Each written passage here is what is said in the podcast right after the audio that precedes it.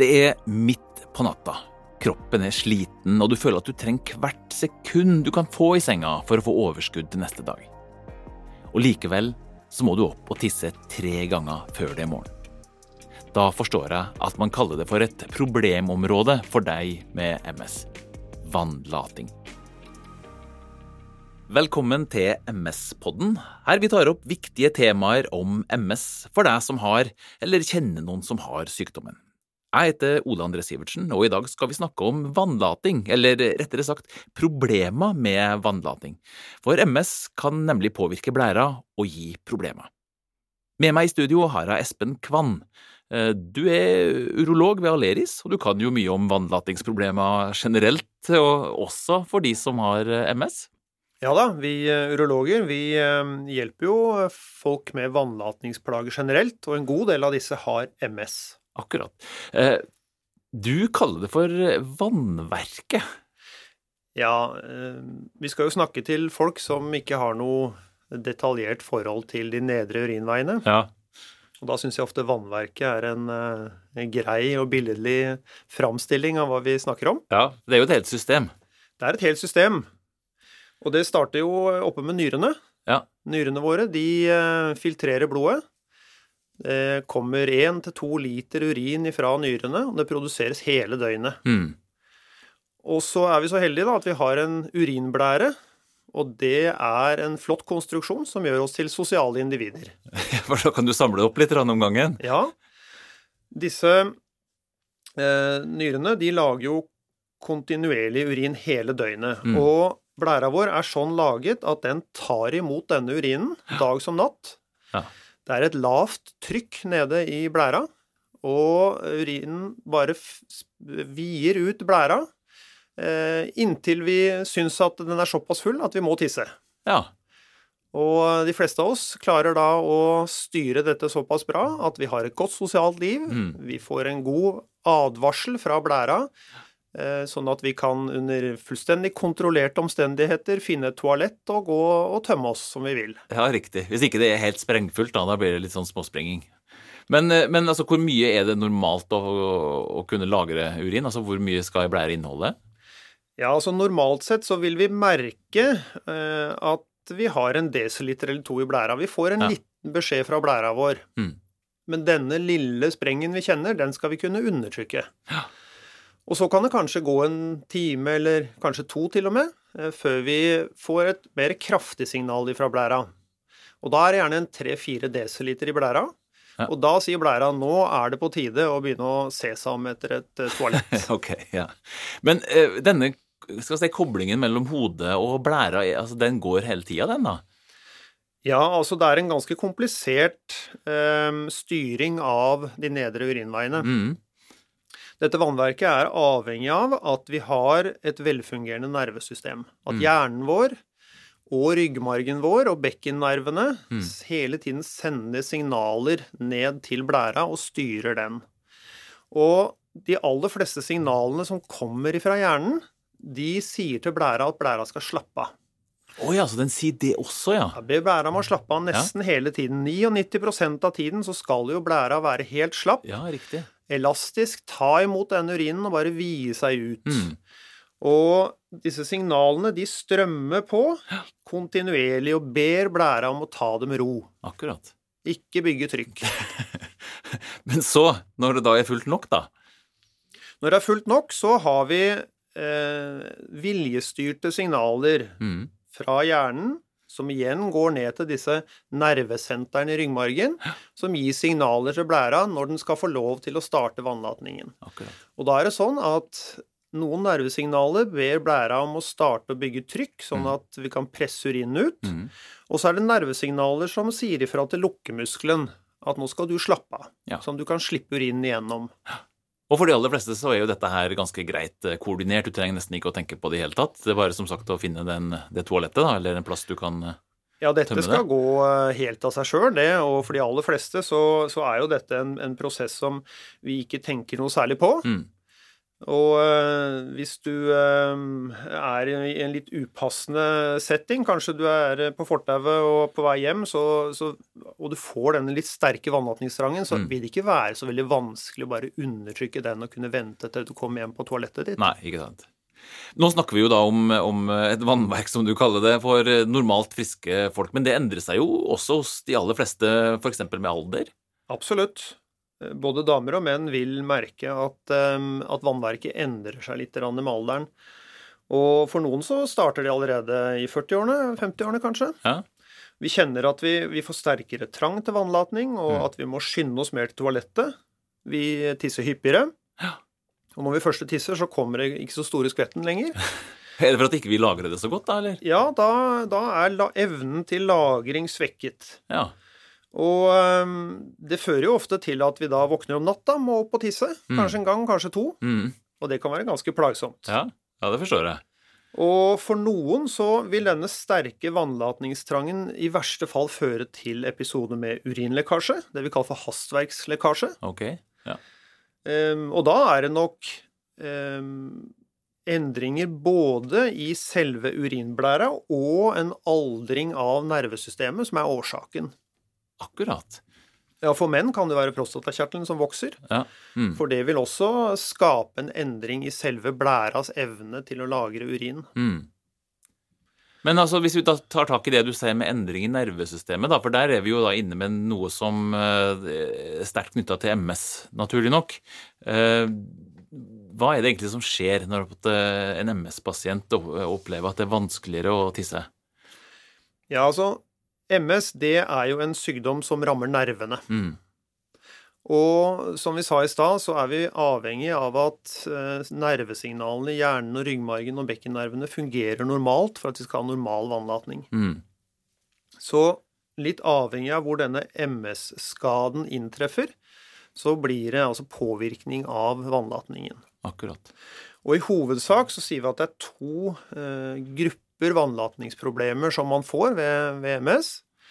Det ene er at du får økt vannlatningstrang, altså Mm. det vi kaller for en overaktiv urinblære. Ja, Og det andre er at du kan få problemer med å tømme urinblæra.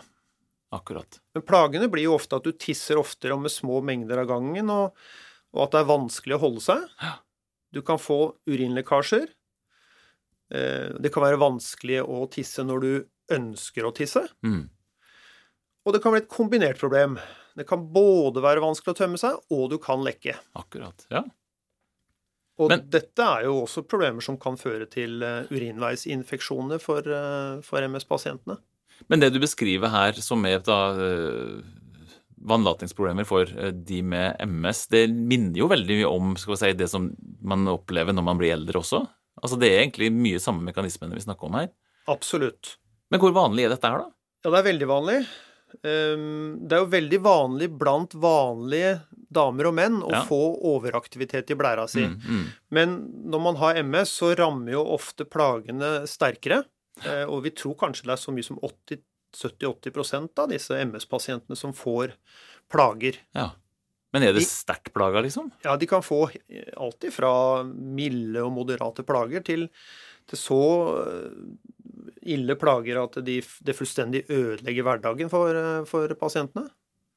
Men altså, er det noe som er, er liksom en pasient eh, stort sett likeplaga hele tida, eller går dette i, eh, opp og ned i si, styrke, da? Ja, Det er nok litt forskjell fra, fra vanlige mennesker som får aldersforandringer. Altså Ja. Ved aldersforandringer så går jo disse plagene sånn langsomt og gradvis på. Ja, akkurat. Mens hos en MS-pasient så kan det variere en del. For MS-sykdommen den er jo sånn i sin karakter at den svinger. Mm. Du har perioder hvor du er plaga med aktiv sykdom, og perioder hvor du ikke er det. På samme måte så kan da eh, vannlatningsplagene variere. Men er det sånn at man har større problemer tidlig i sykdomsforløpet? Eller altså, hvor tidlig begynner man å merke dette her? Ja, det eh, kan for noen være sånn at man har eh, kun hatt plager fra eh, vannverket Ja, en lang periode før man skjønner at det er MS-sykdommen man har. ja akkurat. Så det, det har jeg opplevd, eh, at eh, folk som har fått diagnosen MS, kommer til meg og sier du, dette skulle jeg jo ha skjønt for lenge siden, for jeg har jo slitt med, med vannlatningen i flere år. Mm.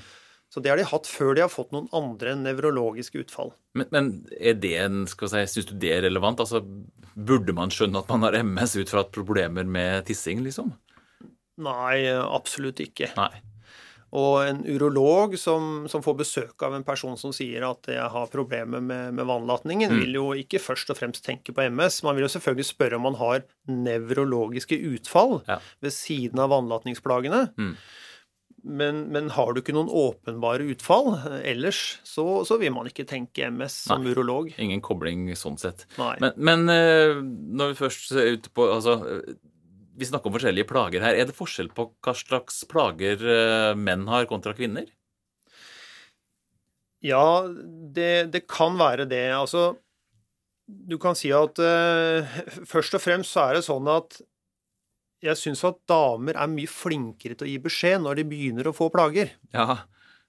Menn er kjent for at de eh, ofte trekker seg tilbake. Eh, de eh, går ikke og snakker med verken legen sin eller vennene sine eller leser eller googler Nei. hvis de har plager, mens damene er veldig flinke til det. Så damene er nok flinkere til å komme raskt til hjelp. Hmm. Men, men, er det fordi at, vi, at, det er litt sånn tabubelagt, det å ha problemer med å tisse, liksom? Altså, det er jo noe vi lærte opp til fra vi var små, at vi skal ha kontroll på? Absolutt. Det, det, jeg tror tabu er en viktig Og særlig ved urinlekkasje. Det er mm. nok et uh, kjempeproblem for mange å begynne å åpne seg opp om. Altså. Så har man det, så, så uh, tror jeg det er lettere å prøve å løse det på egen hånd. Jeg har jo hatt menn som kommer til meg og som forteller at de har sovet med et håndkle i underbuksa eh, det siste året ja. fordi de lekker mye urin. Ja. Men altså, når skal vi kunne si at det er noe som er galt? Da? Eller altså, hvordan kan man forstå at her er det ikke sånn som det skal være? Altså, Poenget er jo at du synes at vannlatningen har blitt et problem, mm. og at du ønsker å få hjelp til det. Ja. Når det begynner å prege deg i hverdagen, når du begynner å få problemer med å, å leve normalt og gå på jobb og fungere i møter og, og gå på reiser osv., så, videre, mm. så da er det på tide å, å, be om hjelp. Absolutt. Ja. Og hvordan får hun det? Nei, den, eh, den, første legekontakten er vel vanligvis med fastlegen din. Mm. Men eh, du bør jo be om å få en henvisning videre til en spesialist hvis ja. du eh, ikke syns at du får tilstrekkelig hjelp. Og det finnes veldig flinke spesialsykepleiere. De kalles for uroterapeuter. Mm. De har masse kunnskap om vannlatning og, og er veldig flinke til å utrede sånne plager. Ja. Og så har du selvfølgelig urologene da, som, som også jobber med urinveiene. Eh, egentlig kirurger. Eh, men de samarbeider da i stor grad med disse uroterapeutene om å finne ut av vannlatningsplagene og hvordan man best løser det. Ja. Men hvis jeg, hvis jeg kommer da på en sånn uh, undersøkelse, hva er det egentlig man uh, setter i gang å undersøke? Ja, Det aller første du nok blir bedt om, er å føre en uh, vannlatningsliste, en slags dagbok, okay. om hvordan du tisser. Ja, ja, ja det er faktisk det aller, aller beste verktøyet vi har ja. til å si noe om hvordan, uh, hvordan blæra di fungerer. Mm. For hvis du kommer til meg og sier 'jeg tisser så mye', ja så er det jo ikke sikkert at det du mener er mye, er det samme jeg mener er mye. Så vi, vi må på en måte bli enige om det. Ja. Skal du vite hva som går inn nå, da, eller? Ja, vi, vi eh, har veldig god nytte også av å vite hva man drikker, og hvor mm. mye man drikker. Mm. Så vi fører gjerne en dagbok, både over væskeinntaket og hvor mye man tisser. Ja. Og da er det mange som sier er du gæren, kan du ikke fly rundt med et lite mål? Men det er faktisk ikke så fryktelig vanskelig. Nei, nei kanskje ikke. Det kan du slenge i oppvaskmaskinen, så kan du bruke det i matlaging. Ja, ja, ja, ja. Men så må du tisse Må vel teste hvordan du tisser òg, da? Ja da, vi har, vi har flere måter å, å, utrede videre på. Når vi har gått gjennom denne dagboken, så gjør vi vanligvis en, en måling av selve vannlatningen. Man tisser på det som heter et flowmeter. Mm -hmm. Da får vi ut en fin kurve som viser hvor god kraft det er på strålene, og hvor lang tid du bruker på vannlatningen. Ja. Og det gir oss et godt mål for hvordan selve blæremuskelen eh, fungerer. Om den har evne til å bygge et godt trykk. Mm. Og så kan vi sjekke hvor godt du tømmer deg. Det gjør vi enkelt bare ved å legge en liten ultralydprobe over magen. Og hvis du er mann, så ville jeg samtidig tatt en sjekk av prostataen din. For det kan jo være prostataen som eh, i hvert fall er delvis årsak til at du har disse, disse plagene. Ja, riktig. det er like vanlig å ha prostataproblemer selv om man har MS, eller er det noen forandringer der? Ja, altså, Prostataplager kommer jo vanligvis når man begynner å bli voksen. Så det er Mm. klart, har du fått eh, MS-sykdommen i ung alder, Mm. så vil det jo sannsynligvis være nervesystemet som er årsaken til vannlatningsplagene framfor prostata. Ja. Men hvis du begynner å komme i slutten av 40-årene, begynnelsen av 50-årene, da er det absolutt eh, riktig å ta med prostata som en ledd i, i utredningen. Ja, ikke sant. Men da, men da kommer man jo gjerne fram til hva som er uh, utfordringen, da. Uh, hva er det man på en måte kommer fram til? Ja, altså Det du kommer fram til, er jo Vi blir jo enige om hvor stort dette problemet er. Mm. Og om det er nødvendig å gjøre tiltak for å, å bedre på, på disse plagene. Og øhm, vanligvis så ved mild grad av, øh, av problem, et Mm. mildt grad, Mm. så, så kan vi bare starte med livsstilstiltak. Det kan være sånne enkle ting som å tilpasse væskeinntaket. Passe på at du får nok fysisk aktivitet. Passe på at uh, du har normal tarmfunksjon. For det å være treg i magen, det Ja. kan uh, påvirke urinblæra i stor grad. Akkurat. Ja. Så øh, vi er avhengig av god tarmfunksjon også for å ha god vannlatning. Mm. Og for noen så kan det være så enkelt som at man blir bedt om å tisse regelmessig etter klokka fordi man føler ikke når blæra er passe full. Kanskje man oh, ja. blir bedt om å tisse hver tredje-fjerde time. Det kan være nok. Altså da vil den tømme seg bedre? Ja, da vil man tømme seg uh, uten at blæra blir altfor full. Ja, Og da vil man tømme vanligvis blæra bedre. skjønner. Ja. Ja. En overstrukket blære er ikke så lett å tømme. Nei. Det kan være at du får beskjed om å drive blæretrening. Mhm. Eh, Det er viktig særlig ved disse overaktive blærene. Altså du skal, du skal være på en måte sjef over blæra di. Hvis blæra Hvis du vet at du har tømt blæra nylig, du har vært på toalettet, Mm. eh, og blæra di er tom, eh, og så begynner han å mase etter kort tid om at han vil på toalettet igjen, og da må du være sjef. Si til blæra 'nå skal du høre her, jeg har akkurat tømt meg', det er ingen grunn til å fly på toalettet nå. Jeg bestemmer at jeg skal ikke på toalettet før blæra mi er full.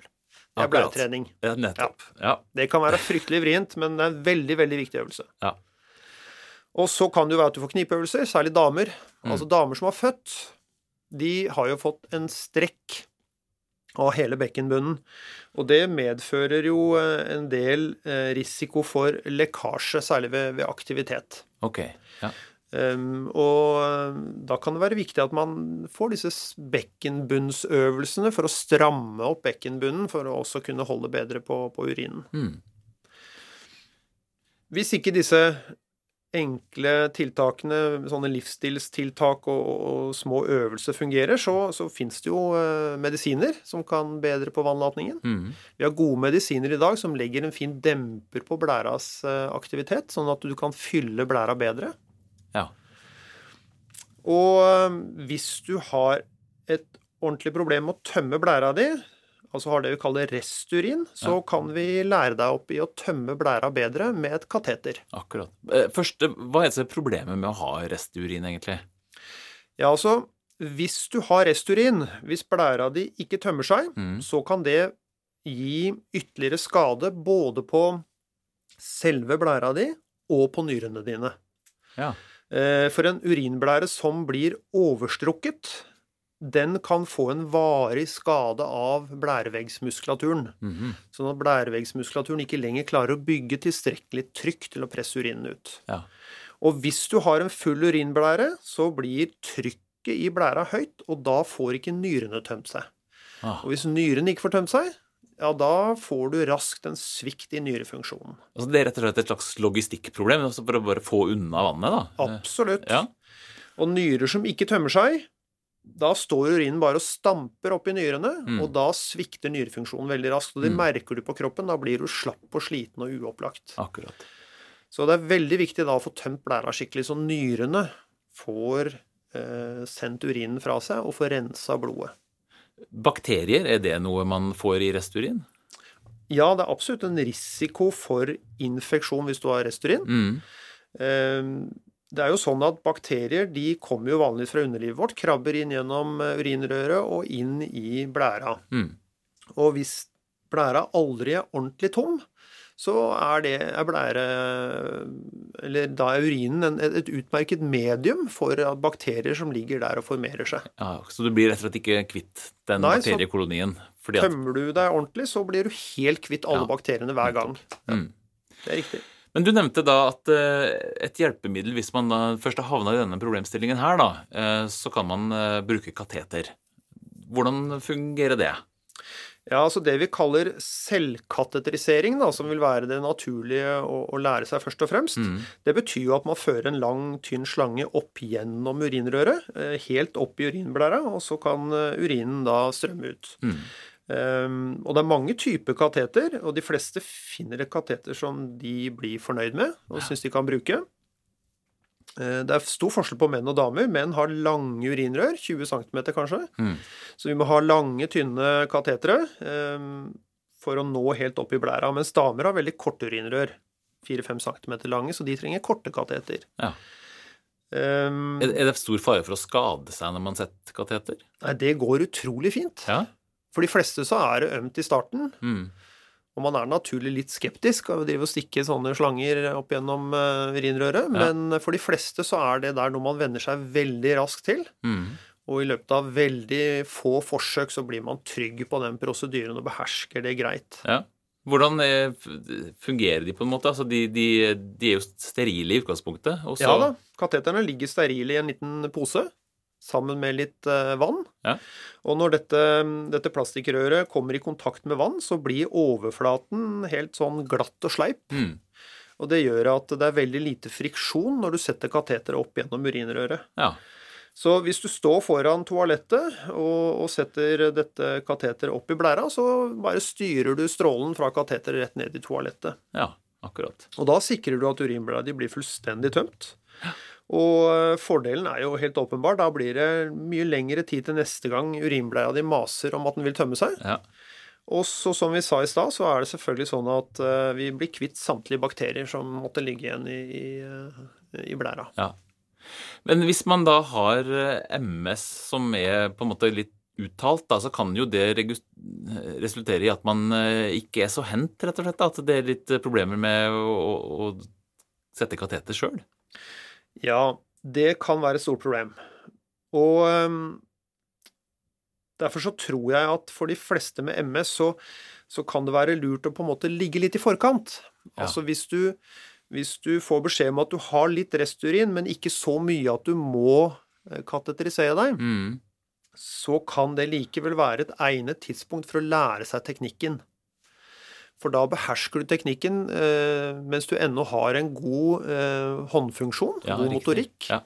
Og hvis du da senere blir eh, avhengig av kateter, så vil det være lettere å fortsette å bruke den teknikken selv om motorikken din er blitt svekket. Så vi tror det er veldig lurt å, å ligge litt i forkant. Det tror jeg vi urologer også bør tenke på når vi møter MS-pasientene. At vi, vi anbefaler de å lære seg disse teknikkene tidlig. Men nå har vi snakka om kateter, men altså det fins jo eh, si, for andre plager eh, også andre hjelpemidler. Ja da. eh, Ved urinlekkasje så, så er det jo eh, inkontinensbind, og de, de fins både for damer og menn i, i veldig varierende fasong og størrelse. Mm. Det er eh, eh, bind som du bør få fra, fra apoteket. Ja. Eh, De er spesiallaget for å fange urin, og det er bind som du får på blå resept. Hvis Ja, eh, legen din skriver ut en resept til deg. Mm, Så da blir kostnadene lavere. riktig. Og så er det noen menn som, eh, som eh, liker å bruke uridom, i hvert fall når man skal ut og være blant folk. Altså Jaha. man trer en slags kondom på penis, og fra det tuppen av den kondomen så er det koblet en plastikkslange ned til en pose du henger på leggen. Oh, ja. Så da fanger du opp urinen ned i den posen. ja. Og det, det er effektfullt og virker bra. Det, det kan virke veldig bra. Det er noen som liker det bedre enn å ha på seg en, en truseinnlegg eller en bleie. Akkurat. Og alt dette her er jo informasjon som dere eh, har eh, når, i, i møte med MS-pasienter. Det er det, og vi bruker jo i stor grad disse spesialsykepleierne våre, uroterapeutene. De er Mm. veldig flinke på alt som fins av den typen hjelpemidler. Og det er vel smart å bare teste ut ting, bare vite hvordan de funker, rett og slett, eh, i utgangspunktet? Ja, absolutt. Og jeg tror det er mye bedre å gå med et tynt truseinnlegg på seg, og mm. slippe å være redd for at det kommer en dråpe i buksa hele tiden. Mm. I forhold til om du skulle ha på deg en lys dressbukse og, og liksom hele tiden gå og være engstelig for at du får en våt flekk på den. Da. Ja, ikke sant. Men altså sånn for å oppsummere, altså behandlingen, hva er det egentlig Hvis du har en MS-pasient, hva slags eh, tilbud er det egentlig du Eller hva er det du tilbyr? Ja, altså det er jo absolutt sånn at vi ønsker å tilby pasienten en, en klar bedring av livskvaliteten. Mm. Eh, vi, vi, må jo hjelpe pasientene sånn at de kan leve et eh, normalt, aktivt liv. Eh, for det er viktig å, å, kunne delta i sosiale sammenhenger. Det er viktig å kunne gå på handlesenteret uten å måtte være bekymra for om det er toaletter der. Ja. Og ikke minst det å kunne reise på en lengre tur. Det kan være et kjempeproblem. Ja. Så eh, det er ikke lenge siden jeg hadde et ektepar innom som skulle fly til Syden eh, et par dager senere og var superbekymret for hvordan de skulle få med seg nok bleier på turen. Mm. Og det var jo veldig enkelt å lære denne karen opp i å tappe blæra si, så den var tom før de gikk om bord i flyet, og ja. den flyturen gikk superfint. Ja, ikke sant. Så det er rett og slett det at eh, når man ser at man får atferdsendring, rett og slett, at man begynner å løse ting på andre måter, så kan man søke dere for å få hjelp til å si, leve mest mulig normalt, da. Ja, jeg vil absolutt eh, oppfordre til at man har lav terskel for å søke hjelp i helsevesenet. Og hvis eh, det er sånn at fastlegen ikke føler seg trygg på problemstillingen, så mm. be om en henvisning til enten en spesialsykepleier, en uroterapeut, eller til en urolog. Og Urologene finnes både i sykehus og de finnes i privat praksis, og det er ikke veldig vanskelig å få en eh, time til en uh, liten vurdering og en, en kjapp uh, vurdering om du, du, skal ha litt uh, hjelp eller ikke. Og her bør altså vi menn nå da være flinkere, er din oppfordring? Mannfolk bør absolutt være flinkere til å oppsøke lege, ja. Det, det gjelder kanskje innenfor alle, alle segmenter innenfor helsesektoren? Det tror jeg absolutt. Jeg forsøker meg på en kort oppsummering. Problemer med vannlating er vanlig hos MS-pasienter. Følg med på om kroppen er annerledes enn før, altså kanskje må du tisse oftere enn før, føler du at du hele tida må på do, sliter med å tømme blæra eller har lekkasje. Ta da kontakt med lege om mønsteret forandrer seg, det er god hjelp å få, det kan være livsstilstiltak, eh, medisiner eller hjelpemidler. Problemene går ikke over av seg sjøl, de vil bare forverres, og det er derfor det er viktig at ikke du overser det når du opplever endringa. Er dette ja, er det en oppsummering du kan leve med, Espen? Ja, det syns jeg var fint oppsummert. Og det er veldig bra at man eh, kommer i tide. Det er noen som faktisk venter så lenge at når de først kommer til oss, så er urinveiene delvis ødelagt allerede. Akkurat. Ja. All grunn til å oppsøke eh, lege. Eh, for å si det sånn, dette her var jo interessant for alle, vil jo jeg si. da. Vi har jo alle vårt eget vannverk, eh, og, og spesielt håper jeg det var til ekstra nytte for deg som hører på, som har MS. Eh, tusen takk for at du var med oss, eh, Espen Kvann, urolog ved Aleris. MS-podden er i regi av Biogen, og jeg avslutter med å minne om at ved å abonnere på MS-podden, så kan du høre oss ta opp flere problemstillinger og viktige temaer om MS forklart av folk med spesialkompetanse. Jeg heter Ole André Sivertsen. Takk for denne gang, og på gjenhør.